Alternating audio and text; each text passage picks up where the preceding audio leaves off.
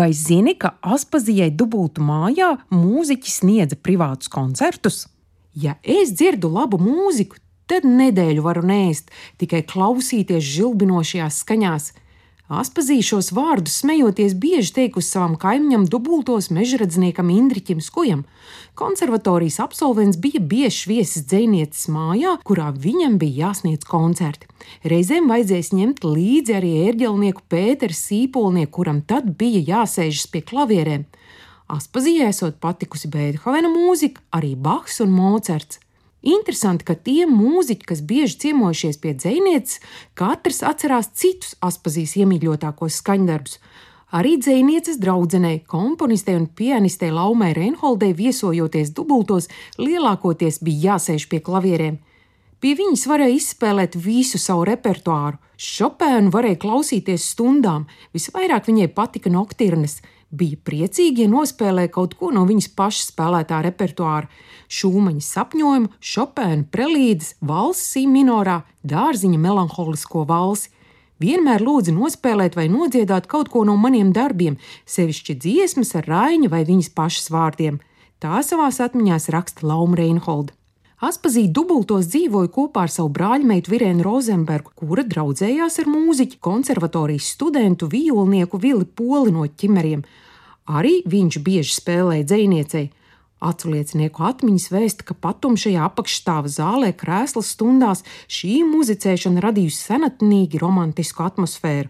Aspazīs kaimiņš atceras, ka bieži vien dziniecis sēdēja dārzā uz soliņa un klausījās viļņu poļu spēlē, kas skanējusi no mājas.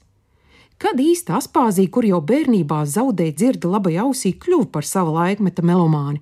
Dzēniece autobiogrāfijā raksta, ka mūziku iemīļojas jau agrā bērnībā, dzirdot mātes skaisto balsi, kad tā pāterus dziedāja. Tolaik Daugšās nebija mūzikas instrumentu. Pirmās klavieres dzēnieces ģimene iegādājās pēc pārcelšanās uz Jelgavu, kad ir jau zaudēts Daugšu mājas un dzēnieces pirmais vīrs Vilhelms Maksis Valters ir devies uz Ameriku. Nopirkām kādu pavacu flīģeli, uz kura tad vingrinājos klavieru spēlē.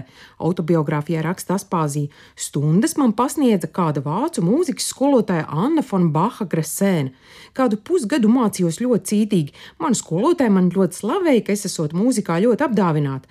Spēlēju jau Šopēnu, bet nonācu līdz ēru maršam, un tad pārtrūka arī mana mūzikas mācība. Jelgavā man bija vēl kāda otra mūzikas skolotāja Fimo, kas bija beigusi Pēterpils konservatoriju. Tā man pasniedza klasisko mūziku. Tik daudz dzinieces pašs stāstītais. Cik labi vai slikti klavieru spēlējusi Aspāzija ziņu nav. Komponista Lauma Reinholda uzsver, ka dziniece viņas klātbūtnē pati pie klavieriem nekad nav sēdusies.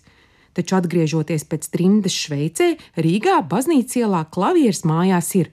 Pārdodot baznīcas ielas īpašumu, firmas Tresela tāfelklavieris tiek pārvests uz dubultu māju. Žurnālisti klavieres piemin savās publikācijās, tās vienmēr esot atvērtas. 1936. gada maijā laikraksta rīts žurnālists uz tām pamanīs kādu Sibēlijus kompozīciju. Citi žurnālisti redzējuši uz nošturētāju atšķirtas Baha notis. 1939. gada vasarā dzinieks par 1500 latiem iegādājas lietotu karalu Oto pianīnu Alberta Vistuča pārdotavā Rīgā. Viņa par vēl vienu instrumentu iegādi izšķīrusies pēc tēvzemes balvas saņemšanas. Šobrīd Aspāzijas mājā dubultos ir trīs klavieres, no kurām vienas ir dzinieces pirktās karalu Oto klavieres.